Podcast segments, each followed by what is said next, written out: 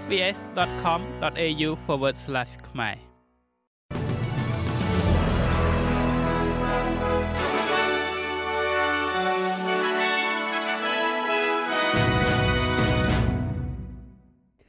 សូមស្វាគមន៍មកកាន់នេតិព័ត៌មានខ្លីៗរបស់ SBS ខ្មែរសម្រាប់ថ្ងៃច័ន្ទទី20ខែវិច្ឆិកាឆ្នាំ2023 លោកនាយករដ្ឋមន្ត្រី Anthony Albanese កំពុងប្រជុំមុខនឹងការរិះគន់ចំពោះការដែលមិនបង្ហាញព័ត៌មានលម្អិតនៃការវាយប្រហាររបស់ទាហានជើងទឹកចិនមកលើបុគ្គលិកអូស្ត្រាលីរហូតដល់ក្រោយពីលោកបានជួបប្រធានាធិបតីស៊ីជីនពីងក្នុងកិច្ចប្រជុំកំពូលអេប៉ិកអតីតនាយករដ្ឋមន្ត្រីនិងជាឯកអគ្គរដ្ឋទូតប្រចាំនៅសហរដ្ឋអាមេរិកនាពេលបច្ចុប្បន្នគឺលោក Kevin Rudd បានការពារការប្រព្រឹត្តរបស់លោក Albanese ប្រឆាំងទៅនឹងការរិះគន់ពីគណៈបកប្រឆាំងនិងសមាជិកសភា Crossband លោកនិយាយថារដ្ឋមន្ត្រីការពារជាតិលោក Richard Marles បានធ្វើការជំទាស់របស់អូស្ត្រាលីយ៉ាងច្បាស់លាស់ចំពោះអាញាធរចិន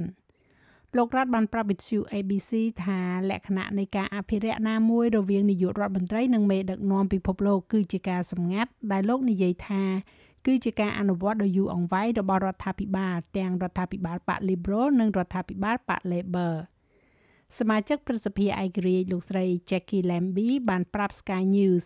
អំពីឧបទ្ទវហេតុដែលបានឃើញអ្នកមុជទឹករបស់កងទ័ពជើងទឹកអូស្ត្រាលីរងរបួសដោយសាររលកសំឡេង Sonar Pulse ដែលគួរតែត្រូវបានលើកឡើងនៅឯកិច្ចប្រជុំកំពូល។ មួយទៀតនោះតកតងជាមួយនឹងការលាលែងតំណែងរបស់នាយកប្រតិបត្តិក្រុមហ៊ុន Optus គឺលោកស្រី Kelly Bayer Rosmarin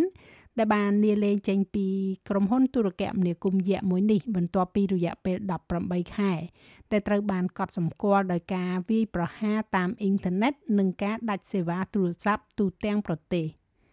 លោកស្រី Bayer Rosmarin ដែលបានដាក់ពាក្យសុំលាលែងចេញពីតំណែងនៅថ្ងៃនេះគឺនៅថ្ងៃច័ន្ទទី20ខែវិច្ឆិកានេះបន្ទាប់ពីប្រជុំមុខទៅនឹងការចោទសួរនៅប្រសិទ្ធិកាលពីថ្ងៃសុក្រកន្លងទៅ មានប្រសាសន៍ថាការសម្រេចចិត្តរបស់លោកស្រី គឺនៅក្នុងផលប្រយោជន៍ដ៏ល្អបំផុតនៃក្រុមហ៊ុន Optus ឆ្ពោះទៅមុខនៅក្នុងអំឡុងពេលសវនាការរបស់ប្រសិទ្ធិលោកស្រី Bayer Rosemarin ត្រូវបានគេសួរថាហេតុអ្វីបានជាអតិថិជនអុបទិសរាប់រយនាក់មិនអាចធ្វើការហៅទូរស័ព្ទសង្គ្រោះបន្ទាន់បាននៅក្នុងអំឡុងពេលដាច់សេវា12ម៉ោងនេះប៉ុន្តែលោកស្រីបាននិយាយថាក្រុមហ៊ុនទូរគមនាគមន៍នេះមិនអាចស៊ើបអង្កេតពេញលេញបានទេដោយសារតែទំនាក់ទំនងស្មុគស្មាញ។ នាយកប្រតិបត្តិផ្នែកហិរញ្ញវត្ថុគឺលោក Michael Venter នឹងទទួលតួនាទី CEO នេះជាបណ្ដោះអាសន្នសិនខណៈពេលនៅតែបន្តក្នុងមុខតំណែងបច្ចុប្បន្នរបស់លោកចុងក្រោយនេះពាក់ព័ន្ធជាមួយនឹងស្ថានភាពនៅតំបន់កាហ្សា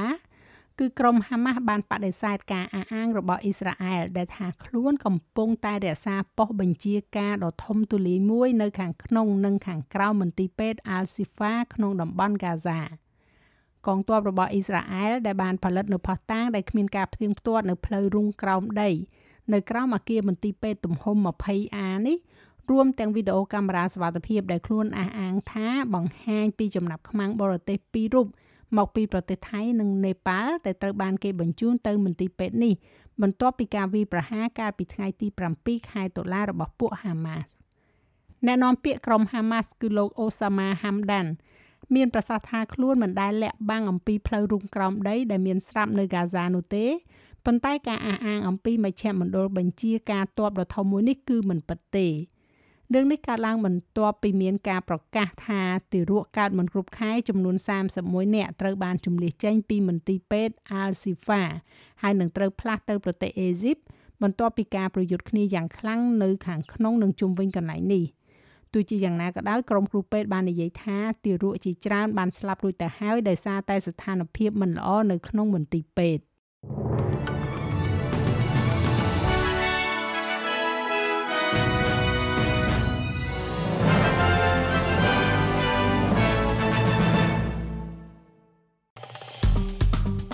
ចុច like share comment និង follow SPS ខ្មែរនៅលើ Facebook